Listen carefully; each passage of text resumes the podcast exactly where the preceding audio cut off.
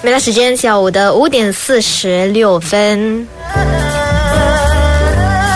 那接下来要跟听众朋友分享的是，我们在飞机上到底可不可以充电？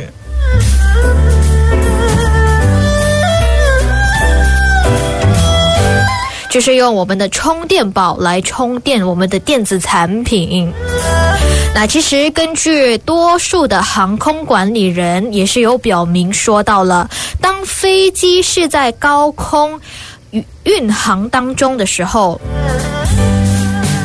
所以在高空巡航中呢，乘客其实是可以用充电宝来充自己的手机呀、平板电脑啊，是可以的。然而，当飞机呢还是在地面上在停止的时候，或者要起飞和要降落的那个期间呢，是不可以，是被禁止的。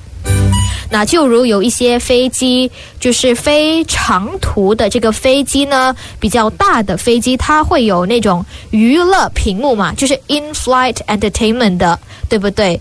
那通常在飞机要起飞和降落的时候都会被关掉，是吧？所以其实跟我们充电的这个概念呢是一样的喽。